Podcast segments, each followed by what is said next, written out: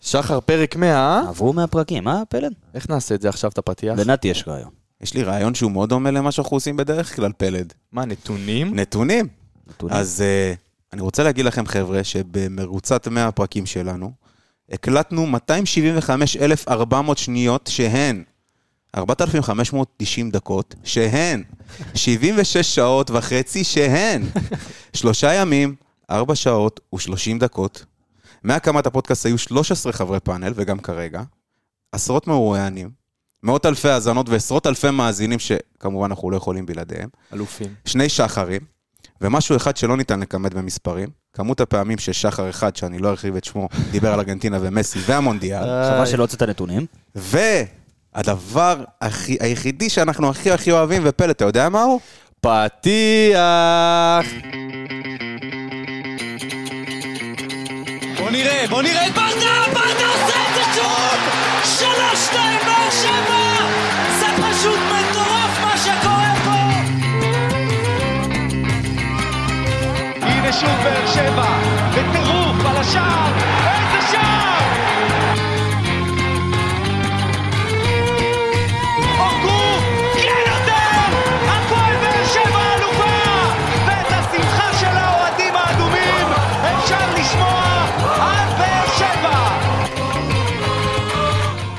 ברוכים הבאים ל... לא, אני בדרך כלל אומר לעוד פרק של פודקאסט אנליסטים, זה לא אבל פרק. זה פרק המאה של פודקאסט האנליסטים שלנו פה בבית קרוצ'י המאוחד. נגיד שלום למי שאיתנו פה, שחר מיכלובסקי, שלום שלום, שלום. אביב ברזילי, אהלן אהלן. אהלן אהלן. נתנאל קרוצ'י, אהלן, אהלן. לידו רוטמן יצטרף אליכם ב- ב- בהמשך, אתם תשמעו אותו ב- ככה בהדהודים מסביב בכל האלה. יש מצב שהוא מדבר עוד ממקיף ו'. כן, עוד מהעבר. כן. אז חברים, באמת פרק 100, אנחנו מתרגשים מאוד, אנחנו באמת לא. האמנו שנגיע ל- לרגע הזה. האמנו, בטח שהאמנו. אה, ואולי במהלך הפרק נכניס כל מיני סיפורים, אתה יודע. עליי, עליי, מה אתה אה, דואג? אני צ'יזבטי, בחור נוסטלגי.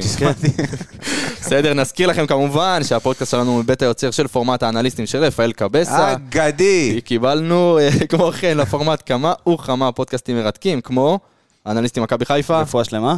מכבי תל אביב, בריאות, צמצום בריאות, הפער. אמן. צמצום הפער, הפועל תל אביב. אני לא יודע מה שלא כבר. לכם האדמה. את- את- את ריינה הם לא ניצחו, באמת, כאילו, אז... אז כל- כל ברכה תתקבל. יש מצב שהרעידת. האדמה אתמול הייתה לכבוד הפרק ה... סתם, אז לא... לא משנה, נתי. נתי לא לא צר... לא-. לא- טוב, טוב. אז אם יש לכם חברים, אוהדי הפועל תל אביב, מכבי תל אביב, אתם מוזמנים לספר להם עלינו ועל הפורמט, וכמובן לעקוב אחרינו בכל הפלטפורמות להנאתכם. נתי, פלד. אני מתרגש. פייסבוק, פייסבוק, טוויטר, יפה, אינסטגרם. יפה, אני מתרגש. טיק טוק, כן? כן. ונגיד שדור יחזקאלי ואילי מכינים קצת הפתעות בטיק טוק, אז אה, בטח, פרק זה- 100, איך אפשר להפתיע? כן. טוב, אה, תזכיר להם מה יש לנו שם עם גולדסטאר. יש לנו את הפינה, שהיא הפינה בין הטובות שיצא לי לפגוש. ולמה? אי פעם. כי. יש פרקים, פרקים, שאנחנו נזכיר בכל פרק את השותפות שלנו עם אה, גולדסטאר, וכמובן את הפרסים השווים שהם ואנחנו ביחד מחלקים לכם. אז אחרי שמשה הרוש זכה בפרס בפעם הקודמת, אחרי המשחק מול הפועל חיפה ביקשנו מכם, המאזינים, לבחור את הגולד ואת הסטאר, זאת אומרת, שוב, את המהלך הזהב שלכם מהמשחק, ואת הכוכב שלכם. ואנחנו בחרנו את התגובה שהכי אהבנו הפעם, והיא של. נתי חכשור היקר. אה, כמובן שמהלך הגולד היה לא שלנו דווקא, של הפועל חיפה. כמה אירוני שהפועל חיפה איבדה כדור בכוונה בשניות הראשונות של המשחק, וספגו מזה שער. והסטאר הוא לא יוג'ין אנסה שהיינו מצפים מכולם לבחור, כמו שהרבה בחרו, הוא דווקא בחר את ברדה, ששוב, לא אהב את מה שהוא ראה במחצית, לפי אה, נתי חכשור, ועשה חילוף משולש. שזה יופי, יופי, יופי של ניתוח. אני אהבתי מאוד, אה, כל הכבוד לנתי, וזה נכון אז מאוד הוא בעיניי גם. יזכה בפרסים בפרסים, אה, ואנחנו נהדרים. כבר נעדכן אותך, נתי, אל תדאג. נתי, נדבר איתך. נתי. לא, אני נתי פה, אתה. אני פה. לא, נתי אוקיי. חכשור. טוב, חברים, אני רוצה להגיד אה, ערב טוב לפרשן ערוץ הספורט, נדב יעקבי, מה שלומך? ערב מצוין. נדב, אנחנו ככה התלבטנו את מי נעלה לפרק המאה, ונזכרנו שהיה לנו אורח שמהפרק הראשון ככה עלה אצלנו. מה זאת אומרת? הוא היה המרואיין הראשון. המרואיין הראשון, אז uh, באמת ככה אנחנו מתרגשים לארח אותך אצלנו ב, בפרק הזה, בפרק המאה שלנו. Uh, קודם כל ברכות, להגיע למאה זה לא... תודה רבה. לא לא יזומה בכך. טוב, נדב, uh, תודה רבה קודם כל. אנחנו ככה, בפרק הזה שאנחנו קצת עשינו, בוא נגיד, uh, הפוגה מהמשחקים, אנחנו כמובן נדבר על המשחק שהיה נגד נס, נס ציונה בהמשך, אבל אנחנו רוצים קצת להביט מהצד על העונה עד כה של הפועל באר שבע. ורצינו לשאול אותך, אתה יודע, איך אתה מסכם את העונה הזאת? אה, והאם באמת, אתה יודע, אנחנו אוהבים לשיר כקהל, הכל תלוי רק בנו. האם זה תלוי רק בנו? אה, לא, זה לא תלוי רק בנו, אחד. אה, ושתיים, אה, אני לא... שוב, אפשר לסכם מה היה עד עכשיו, אבל לסכם, אה, שאתה באמצע בעצם, זה קצת בעייתי. לא יודעים איך העונה הזאת תסתיים. אה, בסך הכל אני חושב שהעונה בסך הכל הכללית טובה מאוד. אה, פה ושם היו גם קצת נפילות, אבל זה הגיוני וטבעי, וזה לא יכול להיות שהכל ילך פיקס וחלק, אבל אני חושב שהסך הכל מאוד חיובי. אז זהו, אז אני ש- גם, אני כן. גם חושב, אני גם מסכים עם נדב, שלסכם את הכל זה בעייתי, כי אתה באמצע העונה, אבל עד עכשיו העונה די התעלתה על הציפיות, לפחות שלי, היא די התעלתה על הציפיות, ואני אני אגיד לך מה, אני פוחד שמכבי חיפה, זה לא תלוי בנו, כי אני באמת עדיין חושב שזה תלוי במכבי חיפה, ואם היא תחזור לכושר שלה מתחילת העונה, אתה חושב שיש לסגל הנוכחי של הפועל באר שבע באמת מה למכור מול, מול הדבר הזה?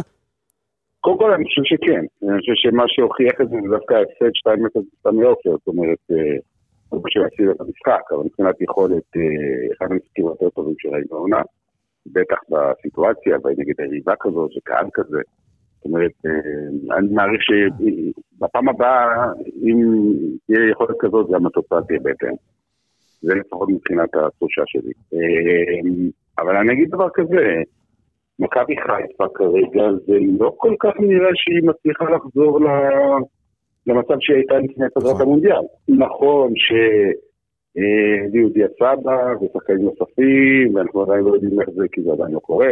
כשיתחילו לשחק נראה עד כמה זה משפיע, אה, אבל יש תחושה שמכבי חיפה נקלעה לאיזה סוג של משבר שהיא מתקשה לצאת ממנו. ועד כה, אני, כולנו דיברנו על זה, על הצורך הכל כך דחוף בחלוץ, ועכשיו הביאו את החלוץ הפולני פטריק לימאלה. אתה חושב שבאמת זאת העמדה הכי דחופה שהפועל באר שבע הייתה צריכה להתחזק בה, והשאלה אם זה יספיק, ואם זה יעזור לנו למאבק הזה עד סוף העונה. אז קודם כל כן, אני חושב שזה באמת הייתה עמדה בעייתית ביותר, ראינו זה לאורך כל העונה. אה, לא היה חלוץ, לא היה חלוץ קורא ואפילו שסלמני אמור היה להיות, אבל אה, התברר כאכזבה. אגב, אותו דבר יכול להיות גם בפולני, אף אחד לא מבטיח. נכון. אה, בטח חלוץ שמגיע אה, באמצע העונה, שזה תמיד יותר בעייתי, אי אפשר לדעת. נקווה שהפעם אה, תהיה התאמה יותר טובה לקבוצה, גם מבחינתו וגם מבחינת כל המערכת. אבל זה ברור שזה מה שהיה צריך, כי עם רותם חתואל זה בעייתי. יש שם מספרים יפים, אין ספק, הוא שחקן קצת בהתקדמות, אבל תמיד יש את העניין הזה ואנחנו לא מסכים לדבר. אם הוא יותר טוב כשהוא נכנס כמחליף, או כשהוא יותר טוב כשהוא מתחיל. זה לא אמור להיות אישו, זאת אומרת, אני לא מכיר הרבה שחקנים בעולם שמדברים עליהם, אם אתה יותר טוב כשאתה נכנס כמחליף או כשאתה פותח, אם אתה טוב, אתה טוב. בעצם זה שעדיין יש את השאלה, זה אומר שכנראה הוא עדיין לא הגיע למקום שאליו הוא אמור להגיע, שאין בכלל שאלה כזאת. אמ, אז, אז אתה לא יכול להסתמך על, אה, על חלוץ שהוא טוב, אבל יש סביבו הרבה מאוד סימני שאלה. אה, אה, אה. ולכן היה צריך את, ה- את, את, ה- את הסקורר הזה, ש- ששחקן של אה, עשרה, 12 שערים בעונה בממוצע, אה, נראה, נראה אם הפעם תהיה פגיעה יותר טובה. כן, השאלות, קודם כל, אני- נתי, אני רוצה לשאול גם את נדב וגם אותך. אוקיי. כי, וגם את אביב פה איתנו, כי רוב הניתוחים ורוב הוידאו שראינו על פטריק, על החלוץ החדש, מראים ש... את, לרוב המצבים שלו, והוא הגיע למצבים, זה שהיה לו תקופה טיפה פחות טובה בניו יורק והכל, בסדר, למצבים הוא הגיע כשהוא חיפש את השטח, כי הוא שחקן שמאוד אוהב לרוץ לשטח. לא הכי מהיר, ועדיין אוהב לרוץ לשטח ומשם להגיע למצבים. אבל הפועל באר שבע, אם אני מוציא את המשחק מול הפועל אה, חיפה החוצה, משיטת משחק אה, כזאת או אחרת, ברגע. מול רוב, כרגע מול רוב הקבוצות בליגה אין לה את השטח הזה. אז השאלה היא אם לא נראה באמת איזה אפקט צלמני. יכול להיות, בהחלט יכול להיות, שאני מקווה מאוד שלא, אבל uh, אני חושב שפטריק לימאלה הוא נראה גם אה, שחקן uh, די פיזי, זאת אומרת, שחקן שיוכל להתמודד גם עם הקשיחות ועם ההגנות הצפופות שהולכות להיות לנו, ושחקן שיכול לשחק גם לשטח, אז אולי על זה uh, ברדה מנסה uh, לבנות ב- בהבאה שלו, לדעתי. ונדב? אני מסכים לזה מה שאתם אומרים, אבל עוד פעם, בסופו של דבר, עד שלא נראה איך זה בא לידי ביטוי, אנחנו יכולים לדבר כמה שאנחנו רוצים, אני מעריך גם שברדה ברגע שהוא הביא שחקן מסוים, והוא בטח עקב אחריו הרבה מאוד זמן, זה לא שהוא ראה אותו באיזה וידאו אחד או שניים והביא אותו. לא, ברור, הייתה, היה פה מעקב, אה, ויודעים בדיוק את מי הם מביאים, והקבוצה תצטרך, אם רוצים לנצל אותו, כמו שצריך, ורוצים ממנו שערים, יצטרכו להתאים את אה, סגנון המשחק. יש לבאר שבע מספיק שחקנים טובים, שיודעים כן לשים שחקן, אה, לתת לו לרוץ לשטח, נכון שהריבות מסתגרות, וזה יהיה הרבה יותר קשה, ברור. אה, אולי דווקא נגד הגדולות, נגיד מכבי תל אביב ומכבי חיפה היו יותר מרווחים ויותר שטחים, אבל זה מוקדם מאוד להגיד אה, כמה ראינו אותו, כמה דקות, זה עדיין לא מספיק. ואם כבר ככה הזכרת את אה, ברדה, אז אה, אתה כמובן מכיר אותו, ואנחנו כקהל אה, מאוד אוהבים אותו, וגם פה באנליס- באנליסטים. אה, איך אתה רואה את את ההתקדמות של יניב ברדה כמאמן מאמצע העונה שעברה ועד כה?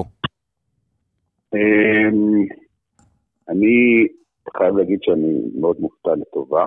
זאת אומרת, חשבתי ש... בוא נגיד ככה, ידעתי שיש לו את הפוטנציאל. הוא בחור מאוד אינטליגנט, מאוד חכם, עם המון ניסיון בכדורגל האירופי. אה, אבל עדיין, זה התחלה. זה מאמן שמתחיל, ובדרך כלל לוקח לו זמן ללמוד את הדברים. והוא מהרגע הראשון ראית שמשהו פה מיוחד, שונה מימים אחרים. אה, זה גם בא לידי ביטוי בתארים, זה בגביע, אלוף האלופים. אה, לצערנו בגמר גביעת אותו זה לא הצליח, אבל לא משנה, זה לא כזה נורא. אה, אני חושב שאנחנו רואים פה, מתפתח פה, אה, בוא נשים ברק בכר בצד, חוץ מברק בכר כרגע. תלמיד שלו. כן, הוא גם תלמיד שלו, אבל יש לו גם את הדברים שלו. אגב, הוא ניצח את בכר כבר כמה פעמים. נכון, אני חושב שהוא היום המאמן הישראלי השני הטוב ביותר. אה, מסכים. נדב, אולי, אולי תסכים לנו, בשנה. אולי תסכים לנו להתקיל אותך, אם כבר דיברנו על ברדה, כי... אני באמת לא- באווירה הזאת של עזוב, ה... כן, באוויר, כן. זהו, כי אנחנו לפני ש... אנ- אנחנו רואים מאמן בית מצליח. אפשר לקרוא לזה מאמן בית, כן, נכון? לגמרי. מתי, ברור. אם, אני חושב, אני אנסח את זה אחרת. יפה. אתה חושב שתחתיו, לשחקני בית, יהיה יותר קל להצליח אצלנו? מה שלא קורה. לא, אני לא חושב, אני לא חושב שזה בכלל משנה. אה, ברדה לא מסתכל על שחקן, אם הוא שחקן בית או לא שחקן בית. אם הוא שחקן טוב, הוא ישחק. ברור שכולנו היו מעדיפים לראות משהו יותר שחקני בית, אבל אם אין מספיק שהם טובים, אז אז אין מה לעשות. אתה צריך לעלות 11 השחקנים הטובים ביותר שיש לך בסגל, ואם אה, השחקני בית לא מספיק טובים, הם לא ישחקו. ככה זה צריך להיות, אנחנו מקצוענים, אנחנו לא פה באים אה, אה, לתת כותרות, כמה... שוב, אני מקווה שמחלקת הנוער תצליח לייצר, מה שהיא לא כל כך מצליחה בשנים האחרונות, אה, לייצר כישרונות אה, כאלה שהיא... כישרונות זה לא מספיק, גם צריך לצפים שיהיו לעשות את המעבר הזה אה, מהקבוצה הצעירה לקבוצה הבוגרת, וזה לא לא דבר פשוט. לגמרי, וכולנו ככה מקווים באמת שמחלקת הנוער יספקו לנו קצת שחקנים. נדב, לקראת סיום, באמת, אנחנו רוצים לשאול אותך עם מבט לקדימה. יש לך איזה הימור איך העונה הזאת הולכת להסתיים? אה, לא, אני לא, אין לי הימור, אני גם לא רוצה להמר. אה, אני חושב שהפועל באר שבע צריכה לה- להמשיך בדרך שלה. אה, לא להסתכל יותר מדי מה קורה בטבלה, למרות שאי אפשר שלא, זה ברור. אם מכבי חיפה תמשיך לפשל, אז יש פה סיכוי לעשות משהו, ואם לא, אז אני חושב שגם מקום שני או שלישי זה בסדר גמור. אני כל הזמן טוען, ואני אגיד את זה גם עכשיו, אני חושב שהפועל באר שבע צריכה את העונה הזאת לקחת כעונה שבה היא בונה את עצמה לשנים הבאות. כלומר, לבנות את הסגל הנכון, הברור. הנה, למשל סלמני, היה ניסיון עם סלמני, בסדר, היה ניסיון, היה רצון טוב מאוד, ונתנו לו צ'אנסים, ובסופו של זה לא עובד, בסדר, לא קרה כלום, אז הוא עזב, והביא מישהו אחר במקומו, עד שמישהו יידבק, עד שיבוא החלוץ ויידבק. גם טוני וואקמה, שהביאו אותו מרעננה, אף אחד לא ידע שיקרה מה שקרה, והופתענו לטובה. אז אולי היא נוסעה לטובה גם עכשיו, ואני חושב שהעונה הבאה, למה יכולה להיות מאוד משמעותית? שוב, אני לא יודע את זה, אבל התחושה שלי שברק בכר בסיום העונה הזאת יעזוב את מכבי חיפה. אה, כי הוא כבר ניצח פה את הכל, בטח אם הוא יזכה באליפות נוספת. אפילו אם הוא לא יזכה, כי הוא יצא כבר, זהו, עשה פה בארץ את כל מה שאפשר לעשות, יחפש לעצמו אתגר באירופה, ואני מעריך שגם יש לו סיכוי לקבל אה, הצעה לא רעה בכלל. ואם מכבי חיפה בשנה הבאה תתחיל מחדש, עם מאמן חדש, ישראלי היא לא תיקח, כי אין אף אחד נכון. שהוא מספיק טוב. אז יצטרכו להביא זר, ועד שזר יגיע, ועד שהוא יבוא, עד שהוא... אז ברדה יהפוך בעצם למאמן הכי טוב בליגה. אני- אני לא, זה לא רחוק. הלוואי. לא רחוק. שמע, נדב, ככה ל- לסיכום, פלד ונתי בטח ידעו שזה בא מאזור פרק 50, כשהתחלנו לדבר על הפגרה שהייתה בעונה הזו של המונדיאל, אז, אז אה, הימרנו כמובן על זוכה והימרתי על ארגנטינה. אז אולי, ככה בסיום של הרעיון הזה איתך, אולי בסוף העונה הזאת, גם אנחנו נבעט לעבר הנצח, כמו איזה גונזלו אחד. הלוואי, הלוואי, הלוואי. הלוואי. טוב, נדב יעקבי, פרשן ערוץ הספורט, תודה רבה לך. תודה רבה לכם, היה לי לעונג. תודה רבה. להתראות. להתראות. טוב, אחלה נדב, ודיברנו גם באמת על העניין הזה של פרק המאה. איזה כיף, אה? כיף. אבל אה, היה משחק, היה משחק. נס ציונה. ציונה. צריך לדבר עליו, אין מה לעשות, כי זה הזמן וזה המקום. אה, נתחיל עם נקודה מרכזית, שחר. כן, כן. אני, אתה יודע, בהכנות לפרק 100, אז עברתי ככה על השמות של כל הפרקים שהיו לנו. ואני רואה שאת הסיכום למשחק הקודם מול נס ציונה, אה, זה היה תיקו, וקראנו לו שמיני עצרת, כי הוא היה בשמיני עצרת בסוכות, ונעצרנו במחזור השמיני. אז אה, כל-. הכבוד למי שחשב אז על השם, אני לא יודע מי זה היה. והפעם, אם אז בעטנו בדלי, הפעם לא בעטנו בדלי. נכון. הפעם הצלחנו לנצח, גם אם זה 1-0, וגם אם זה קטן, וגם אם זה במושבה, ורחוק, ועדיין, כשיש לך משקל על הרגליים שאתה חייב לנצח, ואתה יכול להיצמד למכבי תל אביב, וראית זה השתלם לך, שיחקת ראשון, מכבי תל- הכנסת את מכבי תל אביב ללחץ. הנקודה שלי, אני מסכים גם עם מה שאתה אומר, שחר, אבל הנקודה שלי, אה, משחק בשלוש בצהריים, ביום שבת, כמה זמן כיף. לא קרה להפועל באר שבע? מדהים. כמה זמן?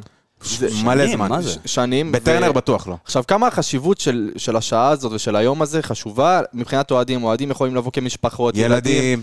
אוהדים חדשים, אוהדים חדש. חדשים יכולים להגיע. אני בעצמי באתי עם בן דוד ו- שלי והילד שלו הקטן. אני זוכר ו- את השעות האלה מיום שישי בלאומית בכלל. לגמרי, לגמרי.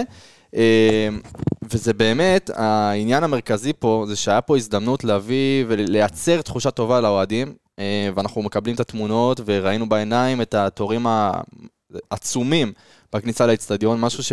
שהוא לא זה בסדר. הרתיח אותי, זה הרתיח אותי, שחר, כי אוהדים מגיעים לחוויית כדורגל אולי הכי כיפית שיכולה להיות בצהריים, בשבת. ואתה נוסע מבאר שבע לפתח תקווה.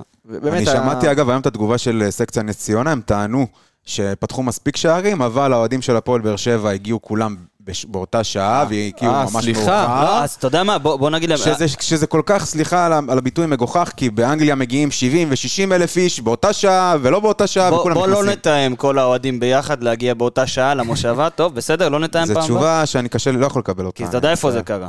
בפתח תקווה. גם כן, ניר. אבל שנייה על מה שאמרת, כי, אמרת שהאיזון הזה, אין, פלט נגמר. האיזון הזה של פעם שלישי, שבת בצהריים זה חשוב, אבל צריך לזכור שיש לבאר שבע גם ציבור אוהדים שהוא שומר שבת, אז נכון. האיזון הזה טוב. אני, אני כן מקווה שיעשו איזון, שאתה יודע, פעם בכמה זמן אפשר גם לעשות משחק גם בטרנר, בשבת בצהריים, להביא ילדים בתוך באר שבע, אחלה של אה, דבר. אולי אפשר אמת. בלי הברקוד אפילו, שילדים שומרי שבת מהעיר יוכלו להיכנס. לגמרי, נתי נקודה. אז uh, הנקודה המרכזית שלי, אני חושב בערך כמו שאליניב אמר ב- במשחק הקודם, הוא לוקח איתו את הנקודות, לא הייתה יכולת וואו, אבל אני חושב שאלה מסוג המשחקים שהם מוקשים מסוכנים, שצריך לעבור אותם בשיניים, ועשינו את זה. נקודה נוספת, ואני מרים לעצמי להנחתה, אני בדיוק עובד לנו על איזה אה, פוסט נחמד. אה, אחוז ניצול המצבים נייחים של הפועל באר שבע עונה, אה, ואני כמובן אגבה את זה בנתונים, נמוך משמעותית משנה, מהעונה שעברה. לא רק זה, אני לא מצליח להבין איך שחקן כמו רמזי ספורי, או גורדנה, או שפי כשהוא על המגרש, לא מצליחים לעבור את השחקן הראשון בהגבהות. לא ברור לי, לא, לא מסתדר לי. זו אבל- מגמה שאנחנו רואים מתחילת שנה. נכון, אז אה, אנחנו כמובן אה, שמע, בפוסט יפה. אני חושב. שבפוסט זה יהיה מפורט. נכון. אם אני צריך לשער, זה אולי כי רוצים הגבהות לקצר. אה, לא יודע מה ההעדפה לזה, אבל זה אז כבר, גם אתה יודע בזה. אין אחוזים גבוהים. אולי. השפעת וייזינגר עם התרגילים. יכול, הכל יכול להיות, אבל אז, זה כבר... אז שוב, אבל, פשוט, זה מה שהסתכלתי עליו. במשחק הזה, וראיתי שזה שוב חוזר. עדיין. אבל אם אני לא טועה, באר שבע שני במצבים נייחים אחרי מכבי עדיין. חיפה, אבל מבחינת השחקנים שיש לנו, יכלנו לנצל הרבה יותר. והיה ניצול מצבים, בדיוק. ברזי, נקודה שלך? אה, הנקודה שלי היא גורדנה, אה, גם בגילו, הגיע ככה וחזר לבמה המרכזית, והוא ממשיך לתת אה, משחקים אה, טובים. המשחק האחרון הוא היה 8 מ-9 בדריבלים, בכדרורים, הוא לא היה אמור... זה משחק שכביכול לא אמור להיות כזה, אה, אבל אה, בסופו של דבר נס ציונה הפתיעו ולחצו, והם היו מוכנים בראש, גם באר שבע, והוא עזר לצאת מהלחץ הזה ועשה את המשחק הרבה יותר פשוט. לגמרי, גורדנה בתקופה, באמת, בין הטובות שלו. טוב, אה, נתחיל לרוץ שחקן-שחקן, שחר, יש לי אישור שם בסוף? כן, המפקד. יאללה, קיבלנו. נתחיל לרוץ על גלאזר. תשמע. אה, מה- גלאזר, מה אומרים על משחק שאין בו הרבה עבודה? אני, אני רוצה אבל להגיד, למרות זאת, אה, ושוב, זה לא עניין של מגובה בנתונים, זו תחושה שלי מלראות אותו על המגרש, יש, יש קצת נכון, ירידה נכון, נכון, בביטחון נכון, שלו, לדעתי. משחק קודם הי- היה איזה ש- השמטה או שתיים, יציאה- יציאה לא טובה. יציאה לא טובה, זהו. כן. ואתה זוכר, פלד, ואנחנו דיברנו על זה הרבה, אני ואתה, על העניין של השחרור כדור בצורה מהירה. שוב אנחנו חוזר, חזרנו אחורה, והוא ממעט לשחרר את הכדור בצורה מהירה. אני לא יודע אם זה הוראה, אני לא חושב. אם אני לא טועה, שחר טוען שזה הוראה ממאמן, לא זהו. כדור מהר אני קדימה. חו- שמע, אני אותי לא זה לא יודע- מרגיז בצורה פסיכית. אני לא רק חושב... אותך. במיוחד כשאתה פותח עם פאון, חתואל ואנסה מקדימה. תקשיב, מ... מה זה מידע? מ... מניסיון של שנים בלראות כדורגל פשוט. ברוב הפעמים שאתה רואה יציאה יותר איטית קדימה, זה או שזה נקודה מאוד מאוד מאוד חלשה אצל שוער, מה שהיה אצל גלאזר, עבדו איתו והוא השתפר, או שזה ניסיון לבנות התקפות מסודרות מאחורה בצורה יותר איטית ומכוונת. אה, להגיד לך שזה בוודאות הוראה של מאמן? אני לא חושב. אני לא חושב שמשהו השתנה, אנחנו תמיד היינו מתחילים מהבלמים את המשחק שלנו. נכון, נכון. אבל יש הרבה סיטואציות שאתה רוצה, אתה יודע, להגיע מהר להתקפה, יש לך שחקן לבד נמצא באגף, או לא יודע, על האמצע, והוא לא, לא משחרר לו את הכדור. כן. אז שוב, יכול להיות שזו הוראה של מאמן, אבל לדעתי זה נובע קצת מחוסר ביטחון. תשמע, אני חושב שזה מחזק את זה כי, כי בהרבה מאוד משחקים אתה רואה שהמובילים, קודם כל המוסרים המובילים שלך, כמו בכל העולם, בקבוצות יחסית יותר גדולות, הם בלמים. גם פה זה אבו עביד ומיגל ויטור. אבל uh, אני, אני מסכים איתך, אולי באמת uh, זה משהו שקשור דווקא בעומרי גלאזר. אולי, טוב. נכון? מעניין, מעניין, ואנחנו. נבדוק את זה כמובן. רגע, שנייה לפני שאתה עובר לכל השחקנים. בדיוק. במשחק הקודם, אנחנו דיברנו הרבה על אה, מיקום ממוצע של שחקנים בהפועל באר שבע, ונגד הפועל חיפה הוא היה מאוד מאוד מבולגן, לטעמי בעיקר בגלל החילופים במחצית, שהם באו מכוונה טובה, אבל הם קצת בלגנו את המשחק. אבל גם במשחק הזה אתה יכול לראות שלמרות שפתחת עם אה, פאון, ועם אה, חתואל, ועם יוג'ין אנסה כחלוץ, אה, אתה כמעט ולא שיחקת דרך הכנפיים. זאת אומרת ששוב, אתה רואה באגפים שלך בודדים את אור דדיה מצד אחד ואת לופז מצד שני. אה, כן, לגמרי, אני, אם יש לי משהו להוסיף על, ה, על, מה שעשה, על מה שאמרת עכשיו, זה ללא ספק החוסר של יחזקאל. לא תקפו כמעט מהאגף הימני. באמת פה אפשר ככה באמת להתחבר לעניין של זה- דדיה. אתה יודע, הרבה זמן אתה, אתה רואה את הפועל באר שבע מנסה לתקוף בעיקר מאגף ימין, ודווקא המשחק הזה, 38 פעמים שהפועל באר שבע מנסה לצאת מאגף שמאל, ומצליחה בשניים, ו-25 פעמים שבאר שבע מנסה לצאת מאגף ימין, שזה פחות מאגף שמאל, אבל מצליחה בארבע. וזה יפה. מעניין, כי בדרך כלל אגף ימין זה האגף הדומיננטי. עם, אה, אבל כן, מה שבר ששרפי זה נמצא ימ"ר. על ה- ועוד על עוד המגרש. יותר מה שמעניין, זה שפאון בא תמיד לאמצע אה, לשחרר מהלחץ, ועדיין רוב ההתקפות שלך יצאו מצד שמאל. ש... אה, ופתחת עם חתואל בצד ימין, הוא לא היה במשחק.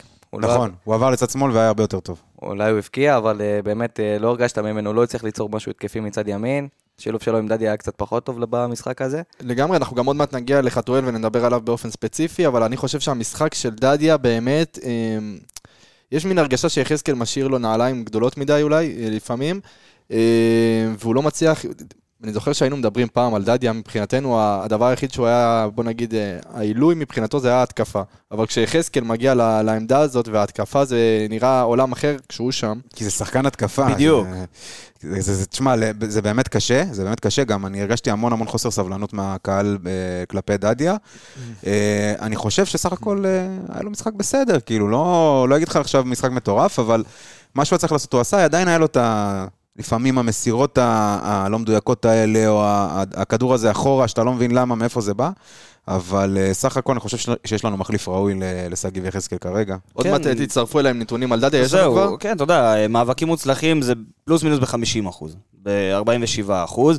מאבקי קרקע, אם אתה מוציא מהמאבקים המוצלחים, זה 5 מ-12, זה 42 אחוזים. אה, מה שכן בולט, זה הרבה מאוד עיבודי כדור, 13 כאלה, 8 חילוצי כדור, שזה שני בקבוצה. אה, זאת נקודת התורפה שלו. זהו, אה, זהו, בדיוק. כדור האלה. ה- ה- אני חושב שלדד יש שתי נקודות תורפה, אם זה עיבודי כדור ואם זה גם חזרה אחורה במשחק. זה הרבה פעמים אתה אומר, הנה יש לך את הפס הזה, אם זה מישהו באמצע, או אם זה מישהו שפותח לו באגף, או הפוך, והוא יעדיף להחזיר אחורה, מין חוסר סיכונים כזה, אבל, אה, זה בדיוק מתחבר למה שאמרת, המשחק הזה הוא ב-50 אחוז. כן. וכרגע, כן, אני מעדיף את שגיב יחזקאל עדיין בתור מגן. יותר מזה, אני מצפה, מצפה מאור דדיה כשהוא נכנס וכשנותנים לו את ההזדמנות, שייתן את ה-120% שלו בשביל להראות שהוא יכול להחליף את אה, שגיב יחזקאל. לא, אי אפשר להגיד שהוא לא ניסה. בסדר, הוא ניסה, אבל אתה יודע, בסופו של דבר צריך משחק מושלם בשביל להוציא עכשיו. את, אה, יחזקאל בפורמה הזאת. שבלט, כן. אולי שמתם לב לזה גם, מרגיש שהרבה פעמים יד אבו עביד היה הבלם הימני.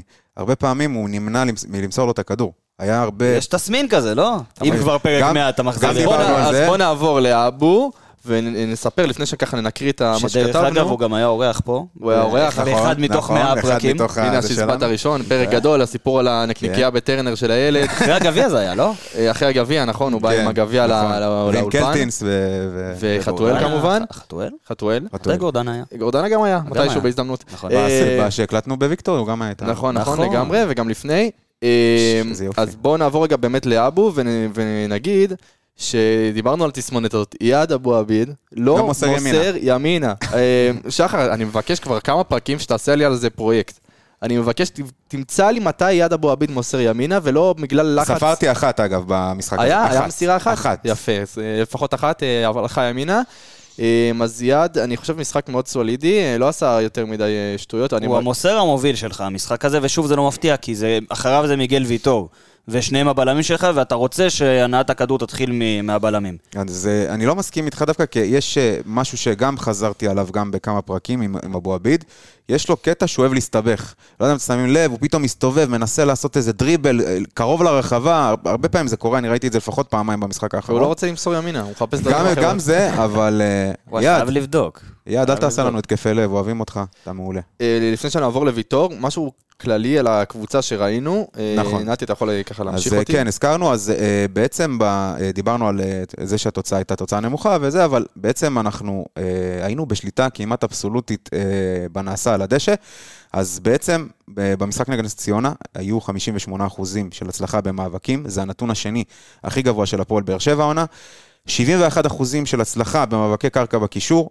שמעל כולם אה, בלט רועי גורדנה, עם 20 מאבקים מוצלחים, 80 אחוזים, שזה מדהים וזה המון. רק שתי בעיטות של נס ציונה כל המשחק, אה, לא הרבו לסכן את השער, אף אחד מהן לא הייתה למסגרת. באר שבע עם פי אה, 20 שערים צפויים מהיריבה, שבכל 90 דקות שלה, נס ציונה זכתה רק בקרן אחת בודדת, אבל אה, נכון, 1-0 זה תוצאה מסוכנת והכל, אבל הפועל באר שבע הייתה בשליטה אבסולוטית זה- על מה שקורה בדשא. איזה בדיוק. תוצאה יותר מסוכנת, 1-0 או 2-0? זאת- אה, זאת שאלה פילוסופית. זאת שאלה מאוד פילוסופית, כי בסופו של דבר, 2-0 זה יותר מ-1-0. לא, אבל, אבל, אבל, אבל, ב-2-0, השאננות? בדיוק, אוקיי. ב-2-0 שאננות נכנסת לתמונה. למה אתה צוחק? זה נכון, מה אתה צודק? לגמרי. לא, 2-0 מסוכן אם אתה מקבל את ה-2-1. אחד. זה אם אמבבה משחק מולך.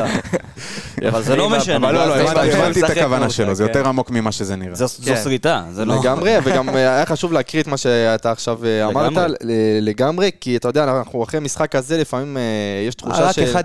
כן, שאולי משהו לא הלך כמו שצריך, אבל אה, הפועל באר שבע שיחקה טוב בסופו של דבר, והצליחה לעשות... את העבודה. עשתה את העבודה, ומה ששחר אמר, כן. כבר בדקה. הראשונה יכל להיות 1-0, המשחק נכון. היה נראה אחרת. לגמרי. זה מאוד הזכיר את המשחק נגד הפועל חיפה, זה היה כמעט אותו דבר. כן, אם רק חתואל, אתה יודע. כן. האחרון בסדר. שהייתי מצפה שיחמיץ. כן, אתה יודע, במצב של אה, בעיטה אה, בנגיעה, זה רק רותם חתואל.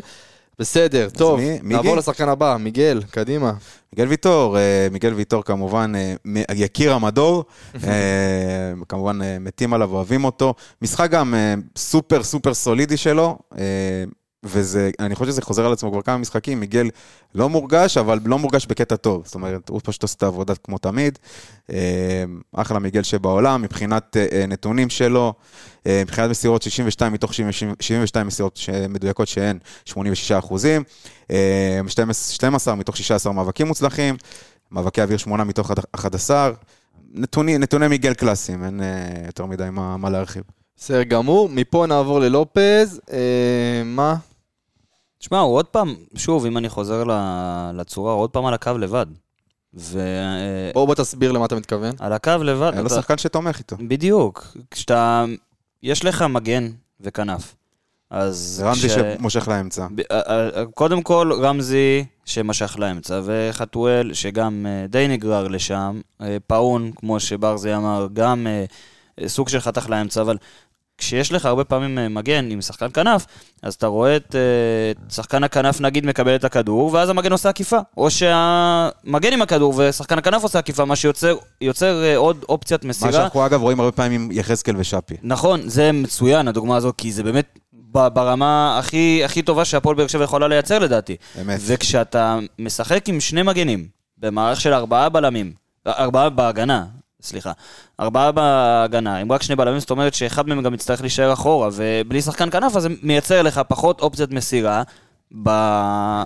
בשליש האחרון, במקום שאתה רוצה לתקוף אליו, ואולי זה נובע מחוסר של חלוץ, כי מהשליש האחרון שמגן או כנף עושים עקיפה, אתה רוצה כדור לתוך הרחבה. ולדעתי זה פוגע גם בלופס וגם בדדיה, וגם ביחזקאל אם ישחק שם. וזו זו נקודה שצריך לשים לב אליה. מסכים לגמרי, אני גם חייב להגיד, במיוחד שאנחנו רואים שיחזקאל לא משחק באותו משחק שלופז פותח, אני מצפה מלופז להתקיף הרבה הרבה יותר, הוא, הוא התקיף יותר כמובן מדדיה, אבל אני מצפה שהוא ייקח על עצמו הרבה יותר.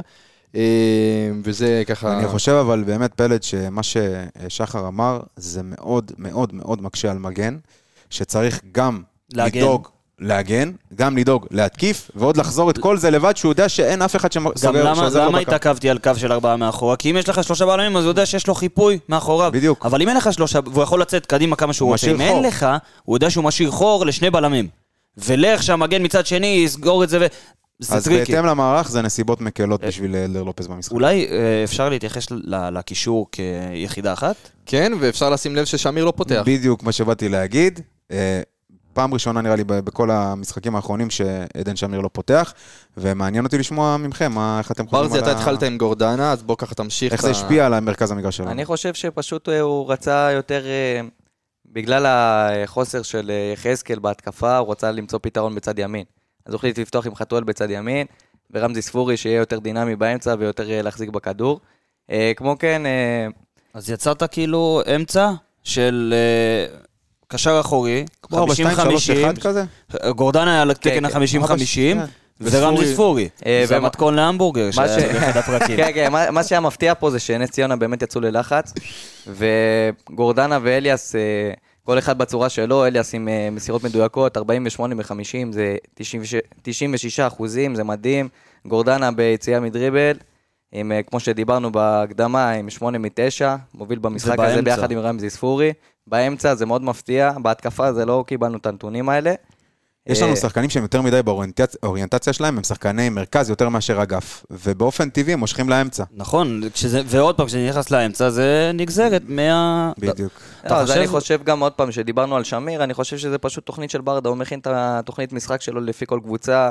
אה, נס ציונה פתחו 4-4-2 יהלום, באו ללחוץ, הוא העדיף את פאון באגף שמאל, שיבוא לעזור ולהוציא מהלחץ, וליצור אה, בעצם אה, סוג של יתרון. אני חושב שגם שמיר היה בכ- בכמה משחקים לא טובים. מותר לו לרדת גם, לספסל, גם נכון, הכל בסדר. נכון. אני חושב, קודם כל, כן, ראינו את הירידה של שמיר לספסל, שאני- אפשר להגיד גם שאליאס בכמה משחקים האחרונים קצת נראה פחות טוב ממה שאנחנו רגילים לראות מאליאס. יש לך מחליף אה, טוב על הספסל, אפשר להגיד, לא? בררו חוזר, אבל גם, אה, עוד מעט נגיע לבררו גם... אה, שאלה שלי בהקשר של. אליאס, אם אתם רואים את שי אליאס רץ עליכם באיזה סמטה חשוכה בשיא הספרינט, מה אתם עושים? בורח לטורקיה. אימא'לה, וואו, מה יהיה היום מטורקיה?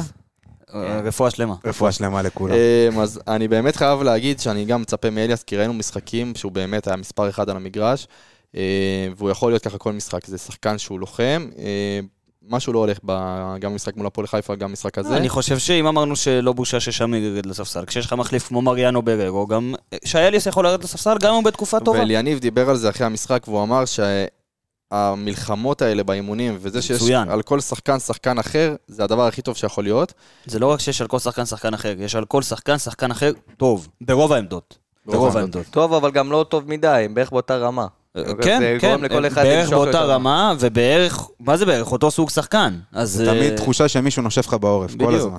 משאיר אני- אותך אני דרוך. מסכים, אני מסכים לגמרי.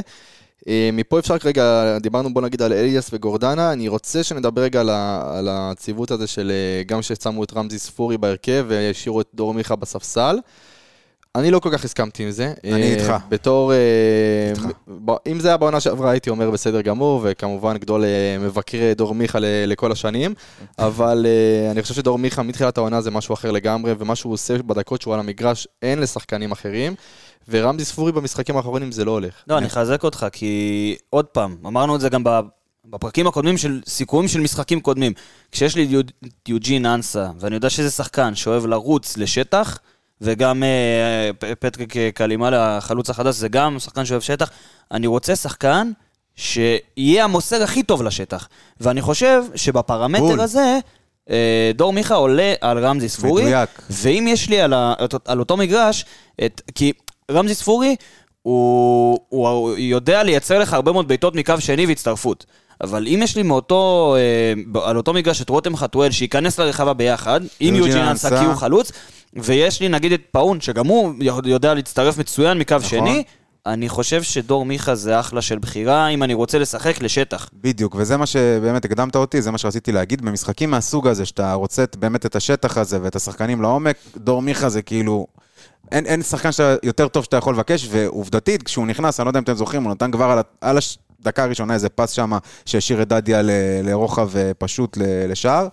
אה, וזהו, אני באמת חושב שמשחקים מהסוג הזה, דור מיכה הוא הרבה יותר יעיל בהצבה שלו מאשר רמזי ספורי. אני, אני מסכים, ואת מיכה אנחנו לא ראינו פותח גם כמה משחקים. נכון. אולי זה, מאז אם אני לא טועה, ודווקא תקופה טובה, אני... זהו, מאז, קשה להבין. אם אני לא טועה, זה מאז ההצבה שלו כמגן שמאל מול כן. נתניה, כן, מול נכון? נתניה.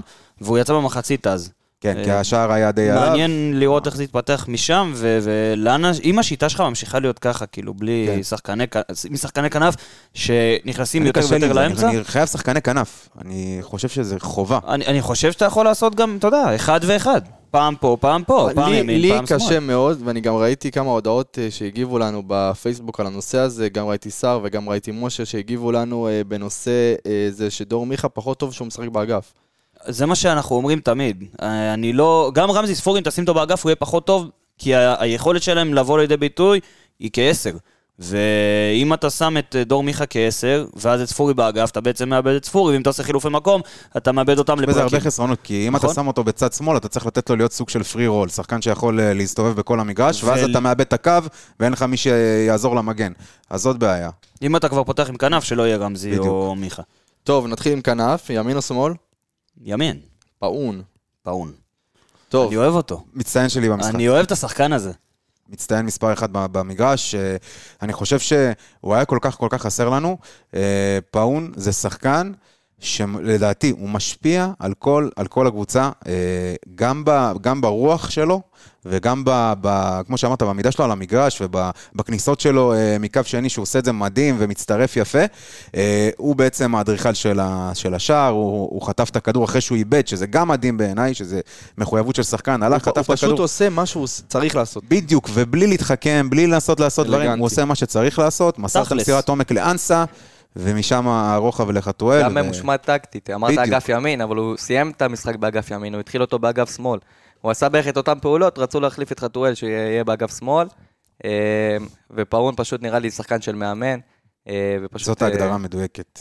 שחקן של מאמן. כן, אבל תסביר מה אתה מתכוון שחקן של מאמן. כי שחקן של מאמן זה שחקן שיעשה מה שהמאמן יגיד לו, לא שהוא פותח בגלל אליניב ברדה. שהוא. זה שחקן שהוא יכול לסמוך עליו, לא משנה מה. באלף אחוז בעיניים באלף אחוז עצומות. בעיניים עצומות, וגם שיהיה ממושמע טקטית, כן, גם אם הוא צריך. להיכנס לשער, הוא ייכנס לשער.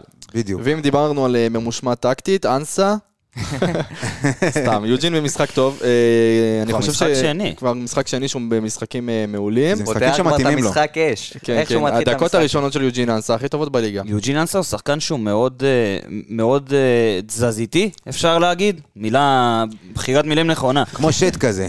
זה אתה אמרת.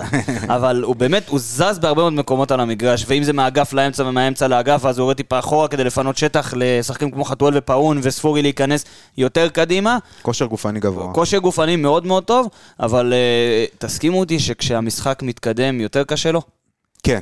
לגמרי, לגמרי, כן. הוא התחיל את המשחק מטורף, יכל אה, עוד הפעם עם הבישול שם לחתואל, כמעט הקורה בעצם. יש לו... שני ביש- מסירות מפתח. כן, שתי מסירות מס- מפתח זה בעצם הבישול ו... וה- ועוד-. ועוד בישול, כן, והחצי בישול. אה, הוא אתלט, הוא ניצל את השטחים בצורה מצו- מצוינת. יש לי אפשר-. אפשר, אה, אפשר להסכים שיוג'ין כרגע זה הבחירה הכי הוא טובה. החלוץ הכי טוב שלך כרגע. כחלוץ, כן. כן, כן. מסכים איתך. עד שנראה את ה- כמובן את ה- אני- את הרכש. אה, יש לי הסבר בשבילכם, אם- אולי אולי אני טועה, אבל לירידה שלו ב- כשהמשחק מתמשך. אני חושב שכשמתחיל המשחק והקבוצה השנייה עוד לא בדיוק הסתדרה ועוד לא מסודרת, אז הוא יודע לנצל את זה יפה. אה, בדיוק כמו שקרה לו במשחק הזה, שהבלם, הוא על ההתחלה עשה איתו ספרינט, לקף אותו בספרינט, מאז הוא לא הצליח לעקוף אותו ב- בספרינטים. היה לו את זה גם מול מכבי חיפה עם סק. נכון, נכון מאוד. וככל שהמשחק מתקדם והקבוצה מתחילה, הקבוצה היריבה מתחילה להסתדר ולסגור כמו שצריך ולעמוד כמו שצריך, הוא מתחיל להתקשות שם, אז זו, זו דעתי. יכול להיות. הוא שחקן, משחק מבולגן ש- עושה לו יותר טוב. אה, כן, אני לא אוהב את זה, אבל שתדע לך. לא, לא, ברור שלא. אני לא אוהב את זה, אבל, אבל משחקים טובים. כן, שני המשחקים כן, האחרונים כן, של יוג'ין אנסה. עשה את העבודה שלך, מה, מה שאתה החלוץ ציפית הכי ממנו. טוב כרגע שלנו. רותם חתואל, מה נגיד ומה נאמר? לא משנה מה תגיד, הוא יבקיע. בסוף הוא יבקיע, בסוף כן. הוא יבקיע. ואני, עוד פעם, אני אגיד את זה, אני שונא את התווית הזאת שנדבקה לו, שהוא טוב מהספסל, הוא טוב מהזה, אה, הוא טוב. כן, היה לו משחק יותר מפוזר, וכן, המשחקים האחרונים אתה תראה אותו טיפה יותר עצבני, ויותר... אבל, אה, אבל האוהדים, ו- ואני, ואני תמיד אומר את זה, גם כשהוא היה אצלנו והוא התראיין אצלנו כמה וכמה פעמים, תמיד הוא דיבר על העניין הזה של הרעב. רותם חתואל תמיד רעב, תמיד רוצה להפקיע, ותמיד גם העצבים שהוא מוציא, אני רוצה לראות אצל השחקנים שלי את העצבים האלה. אני רוצה שהשחקן שלי שלא מצליח להפקיע במ- במשך מחצית נגיד, יהיה עצבני, למה שהוא לא יהיה עצבני? עזוב, ואם אני מדבר זה איתך בא ממקום עכשיו... של אה, אכפתיות. קודם, כן, אבל עזוב את זה, אני לא רוצה להיכנס לזה בכלל, כי, כי אני לא אוהב לדבר על הדברים האלה, אבל אם נדבר על מקצועית, אז אה, ראית כשהוא עבר לאגף שמאל, אז הוא היה יותר אה, כן. יעיל, אפשר לקרוא לזה, ועדיין, רותם חתואל, אני חושב שנעשה לו טיפה עוול כשהוא פתח, לא במשחק הזה, במשחקים אחרים, הוא פתח כחלוץ בודד. ורותם חתואל הוא לא חלוץ בודד. הוא לא רותם חלוץ. חתואל הוא לא חלוץ. שחקן, אה, אגף. הוא שחקן אגף שהוא סקורר. הוא שחקן אגף סקורר. אז כשהוא באגף, גם אם הוא פותח, הוא יכול להיות טוב ולהבקיע. זהו, כן, אני זו, רוצה להגיד זו לכם גם, הנקודה שלי. חבר'ה, אנחנו, אנחנו משחקים במשחקים האחרונים נגד קבוצות שלא באות כל כך ל- לשחק כדורגל, יותר באות לצופף, יותר באות להגן. זה מקשה גם על השחקנים שלנו, אין מה נכון, לעשות, וצריך גם נכון. לקחת את זה בחשבון. זה, זה רוב הקבוצות בליגה כאלה. לגמרי. ורותם חתואל במשחק הזה, עם חמישה איומים, אחד למסגרת, 1.23 XG, הוא כן מעורב, הוא שחקן התקפה שכן מעורב במשחק, גם מבחינת מסירות, למרות שהוא אוהב גם הרבה תמיד דריבלים. מסוכן, הוא, תמיד. הוא תמיד מסוכן, אתה יודע, 19 יש לו מתוך דקות, 25. יש לו דקות שאתה באמת רוצה להרוג אותו. אה, באמת, אין אחר, ואז הוא אבל- מבקיע. לדעתי- זה בדיוק הנקודה, ואז הוא מבקיע, ורותם חתואל זה השחקן הכי מסוכן של הפועל באר שבע, אין מה לעשות. הוא נולד לכבוש, הוא נולד לכבוש, הוא יכל לסיים את המשחק הזה עוד אחרי, אחרי 30 שניות, אחרי החמצה, אבל הוא, לא יעזור כלום, הוא ישים גול. אתם חושבים שהדיווח על ליון היה רציני? ש- עזוב, עזוב, לא לא חושב שחייב להתעסק עם זה, אבל רציני תלוי למי. אה, תמיד יש אנשים שיחשבו שזה לשחר בז רציני. בטוויטר, כן, לשם הוא. רציני. אחלה שחר- בז. חילופים. אחלה שחר בז. חילופים, דקה 65, דור מיכל, רותם חתואל, אה, דיברנו על מיכה. אה, אתם יכולים להסביר קצת את החילוף הזה, מאיפה זה נבע? אפשר להבין שרותם היה קצת במשחק אה, בינוני, אז היה מין אה, רצון לעשות שינוי. את האמת, אין לי הסבר ל... אבל, אבל אתה יודע, אני, אני פחות אוהב לראות את דור אולי מיכה הוא ו- יתעייף. זה מה. שאמרנו, אה, באגף, כי אחד מהם יהיה באגף שם, וזה זה דור פחות טוב. מיכה צריך לשחק בעשר. כעשר. גם רמזי ספורי נקודה, צריך לשחק כעשר. נקודה, זה- נקודה, זה זה הבעיה. בדיוק. ואמרנו את זה בפרק הקודם, אם יש דרך לשלב אותם, זה סוג של 4-2-2-2, הבנתי, שניהם כשני מספרי 10 וחצי, משהו באמצע. אבל אה, זה הדרך היחידה שאני רואה אותם ביחד. עדן שמיר נכנס, דיברנו גם על העניין הזה של האמצע, עדן שמיר היה במשחק פחות טוב, נכנס כחילוף, מובן לגמרי, לגמרי. נכנס, היה בסדר גמור. כמו כן. גם אריאנו בררו שנכנס אחריו. גם לגמרי, אה, אני רוצה מילה שתיים עליכם, על התרשמות אה, ראשונית על פטריק. קשה, קשה מאוד, ל- מה שנקרא, לטעות על קנקנו ב-19 דקות, אבל אה, נראה שהוא, פתגם. שיש לו מהירות אה, אה, לא רעה בכלל. אה, הוא כמעט אה, בישל לדור מיכה, היה נבדל שם, אבל אה, בואו נראה, זה לא מספיק, צריך לתת עוד איזה משחק שתיים להבין מי הוא. אני אתה יכול לא לפתוח יכול להבין. פה? אפשר לפתוח פה או עוד נו, לא? בבקשה. טוב, אני הולך, הולכים פתח, לשרוף. אותי על מה נו, שאני הולך להגיד עכשיו. נכון, אני. אשמור לא, עליי. לא, אז אני אעשה... אני- הכל מוקלט. הכל מוקלט ואני גם אסביר. בפרק ה-63, אם אנחנו במבט אחורה, קראו לפרק פשוט חמש, זה המשחק הראשון של העונה כמובן. אני אמרתי שרותם חתואל יהיה במספר דו-ספרתי של שערים, נכון. עד סוף העונה אפילו יותר. קרה או לא קרה? קרה. כשסלמני הגיע... רגע, פשוט חמש אחרי איזה משחק זה היה? אה, ביתר? ביתר? ביתר, ביתר. לא יודע, לא זה רוצה להגיד עונה? לך סתם. העונה. תחילת העונה. וואו, זו עונה ארוכה. כן, היה תקופה, מה עברנו? מה זה? מה אתה זוכר? כשסלמני הגיע, במשחק הראשון אני אמרתי לכם שזה לא זה. נכון. בסדר? נכון. פטריק, שיחק כמה זמן אמרנו? נכנס בדקה 76. ה-76, לדעתי הולך להיות מעניין מאוד מאוד איתו. והוא השחקן היחיד שקיבל. אצלך צהוב. הוא השחקן היחיד שקיבל אני- אני- אצלך צהוב. אני אני יכול להגיד שלעומת. הימורך על רותם חתואל, היה לך גם את מיכה, שעשית עליו נאום לפני כמה... ואני אז, רק אה, אומר, ואני רק אומר כבר לחזור אחורה ניצלתי בפרקים. את זה שלידור עוד לא פה. פלד, פלד, הימר על 31 מתוך 32 נבחרות במונדיאל, חוץ מאחת, עזור לך. אני, טוב. אני, אתה לא יכול לבוא אליי בטענות. אתה איתי היית כל הזמן, אני יכול להגיד שגם בר זה, אבל הוא רכש חדש. מילה על תומר חמד? דקה 88, אין לי כל כך מה להוסיף על זה. בסדר. לא, זה מראה שבאמת יש לנו, ראינו בספסל, היה לך את איתי שכטר, היה לך את, אה, כמובן, את תומר חמד, ושוב, תמיד זה בחירה של אחת משניהם, אני מאמין ש... כן, וגם בדקות אחרונות, אה, כן, צריך למצוא לזה איזה פתרון שיש לך חלוצים, וכרגע הם לא מספקים את הסחורה, דיברנו על זה, הבאת רכש. ואת הרכש, וזה טוב מאוד. אה, עוד מילה שלכם, לי יש מילה קטנה, כן. אה, על משהו שלא קשור למשחק, אבל אה, חשוב להזכיר, כי הוא גם התארח אצלנו בפרק, רומל יגון. נכון. הוא הושאל עד לתום העונה להפועל ניר רמת ו- השרון. ואני חושב שזאת השאלה. טובה. דיברנו על זה באחד הפרקים, אם עוד פעם הולכים אחורה, דיברנו על זה באחד הפרקים, אחרי איך שהציבו אותו אז ב- בדיוק, בחדרה, בחדרה, שהוא שיחק נגדנו, והציבו אותו בין הבלמים. קרוב מאוד על הבלמים, ורומל יגון הציבו אותו קרוב מאוד למיגל ויטור, ורום לא שחקן גבוה, הוא כן שחקן פיזי, לא כן. גבוה, והצבה שלו היא הייתה פושעת, לטעמי. מה זה פושעת? זה וזה היה- פגע בו לגמרי, כי כשתבקש עוד פעם, השימוש הזה הלא נכון בשחקן, כשתבקש משחקן שהאופי שלו הוא לא כזה, והכדור הוא...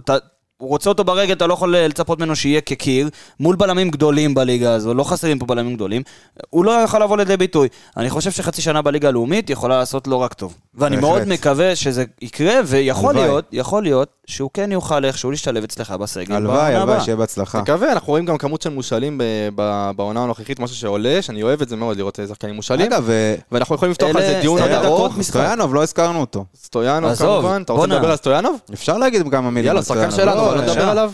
אה, קודם כל, אני אני כאילו מאוד מאוד אוהב את השחקן, אני חושב שכישרון... מאילי כישרון- מרום? יותר- לא, אל תגזים. לא, אילי מרום. לי אין חולצה שלו. אז רגע, בוא בוא נגיד, אה, אילי מרום, דיברנו על סטויאנוב, אל תדאג. כן, נכון. אז הנה, רק הזכרנו את סטויאנוב גם בשביל אילי מרום, אבל יוני סטויאנוב, אה, אני חושב, היה במשחק, אה, לא, אתם יודעים, שוב, הוא שיחק נגד הפועל באר שבע, היה לו קשה, אבל סך הכל, אני חושב שהוא בין השחקנים היותר טובים שהיו להם על המגרש. היה לו 17 מתוך 22 מסירות מדויקות, מאבקים קצת פחות, אבל בס- בסך הכל, משחק טוב, ואני חושב שיוני סטויאנוב הולך לחזור אלינו. קודם כל, יוני סטויאנוב, הוא משחק בעמדה אולי טרוסט? קדמית מול... אה, בנס ציונה. הוא משחק בעמדה קדמית בנס מה, ציונה. כי ממש הוא משחק 10 לדעתי. יפה, אז שמה אני רוצה לראות אותו בהפועל באר שבע כשהוא חוזר. אבל אם אתה מסתכל על ההרכב של אה, נס ציונה, בואנה, אתה רואה פה שחקנים שלא ראיתי שנים. מה זה, עמרי בן ארוש, ניסו קפילוטו, ניסו קפילוטו, אח וואו. שלי, במה? קרי- קריסטיאן בטוקיו. קריסטיאן בטוקיו, שהגיע איזה 7 קילו עודף. אינברום, אלמוג בוזגלו, לבן קוטליה, גבי לייטרוס. ניב אנטמן. למה לילה יתרוס זה עוד לא, הוא עוד חדש. בזה, כן, לא, הוא. הוא... הוא- כאילו לקחו את כל האנשים לא. מפעם ושמו אותם בנס ציונה. כן, אילי טרוס באמת אה, נקודה שאני חבל. דיברתי עליה המון, נכון. חבל, שחקן שפספסנו לפי דעתי עם הרבה יכולות. אה, טוב, איך נסיים? אתה רוצה לא? לסיים את זה עם הסטורי של חתואל? איך אתה רוצה לסיים? תקשיב, הסטורים I של זה kill ענק. you, I kill you. וואו, הבאנו הבאנו אחד משוגע. גוד מורנינג, רוסיה! הרג אותי, זה מצחיק. ענק ענק. אה, מה נאחל לנו? מה נאחל לנו? למאה הבאים, מה זאת אומרת? משחק נגד סכנין, שיקרה כבר. זהו, זה מה ש... כנראה יש מצב יהיה פרק 200 עד שיהיה משחק נגד סכנין, זה הכיוון. הזוי, זה הזוי, זה הזוי, זה הזוי. ממש... לפחות הם קיבלו החלטה. יום לפני ולא שעה לפני. אני רוצה אז- שאלה אחת למנהלת הליגה, אה, אם אפשר לקרוא לה מתפקדת. איך אתם נותנים למגרש הזה אישור לפעול שנה אחרי שנה, פעם שנים. ליקויים באבטחה, פעם ליקויים ביציעים, פעם ליקויים בדשא, פעם גשם? בשלטים, עזוב, נו, בחייאת רבאק, זה זה מחרפן אותי. והשאלה היא אליכם, ביום רביעי לא אמור להיות גשם? אמור, יפה, אמור להיות. אה, אני לא אמור זה שם של. דת, ככה אומרים, נכון? אה, בצבא אומרים ככה. וואלה, ברברה הולכת להישאר פה חזק, אני לא חושב שגם יהיה ביום רביעי משחק. איזה שם נתנו לה, ממש... אה, מפחיד, האמת מפחיד. שם, כמו הסופות האלה בארצות הברית, בנשוויל. שם של דוגמנית. ברוקלין. טוב, אז ככה. לסיום, לסיום, אנחנו רוצים להגיד תודה לכם, המאזינים שלנו, שהייתם איתנו בכל המאה הפרקים, שרדתם את שחר מדבר על ארגנטינה, ושמעתם אותנו מדברים עם ממ"דים, עם מקלטים, עם עטלפים. בלי עם- חולצות. בלי חולצות, מזיעים, אה, עם קליטה, בלי קליטה, עם אה, מרואיינים שמדברים יותר. אה, כן, שחר, אני תוך רואה. כדי ליגת האלופות, תוך הרבה כדי- פעמים. לגמרי, וגם זו ההזדמנות שלנו להגיד תודה להרבה אנשים שהיו איתנו לאורך הדרך, אה, נגיד תודה לרפאל קבסה, באמת שהביא לנו את ההזדמנות איש יקר. אה, ככה לפודקאסט, נגיד תודה רבה רבה רבה גם לרדיו דרום שהיו איתנו נכון. אה, בחלק מהתקופה. נכון. אה, וכמובן לאנליסטים שלנו, אז נגיד קודם כל, שחר תודה, ברזי תודה, נתי תודה. יש לנו הזדמנות גם, אנחנו, לידור פה גדול. ייכנס, ואתם איכשהו הוא ייכנס, הוא תשמעו. אותו אומר תודה לי איכשהו, אז כמובן לידור רוטמן האגדי שאיתנו באמת, מההתחלה. פרגנו לעצמכם לכולכם, אה, אתם אורי מדהימים. אפריאט, גיא לוזון, גוסרסקי, דור יחזקאלי, אה, עידן שרי, מי חסר לי? שחר יקיר, בז. יקיר, שחר אה, שחר בז, שחר שתיים, אני באתי להגיד. באמת, כל מי שהיה איתנו לאורך הדרך. אני אני אהיה מרגש לסוף. אני. זוכר את היום שישי הזה, שיצאתי מסבא שלי, אכלתי קוסקוס, ו- ופלד מתקשר אליי, הוא עושה לי, סיימתי תקשורת בספורט פאנל, בוא נפתח פודקאסט. זוכר את זה? זה היה לפני 100 פרקים, לא, כשרוני לוי עוד היה מאמן, תראה, תראה, וג'וסווה צמרמורת, צמרמורת. ג'וסווה עוד היה בקבוצה. וואו. הפרק הראשון היה אחרי תיקו זה- 1-1 אה, לא היה מלחייה עדיין? מול מכבי חיפה. לא, זה המלחייה היה עוד לא לפני הייתה? אה, המלחייה. לפני יש לנו פרק עם מלחייה מתישהו, אוקיי. אבל היה כיף. ויהיה כיף. יהיה כיף, יהיה כיף. והדבר שאנחנו הכי אוהבים זה שאתם באים אלינו ושואלים אותנו שאלות, ושאני שומע אקג'י ב- בטרנר, מישהו שואל על אקג'י, אני בעננים. כן. אה, כאילו זה הבן שלי. אז ופלד גם אוהב פתיח, אז תשים לו את ה... סגיר, סתם לא. אבל חברים, אה, באמת, תודה רבה לכולם, אנחנו מסיימים, ונהיה פה עוד מיליון אלף פעם, אז בעזרת יאללה, השם. ביי.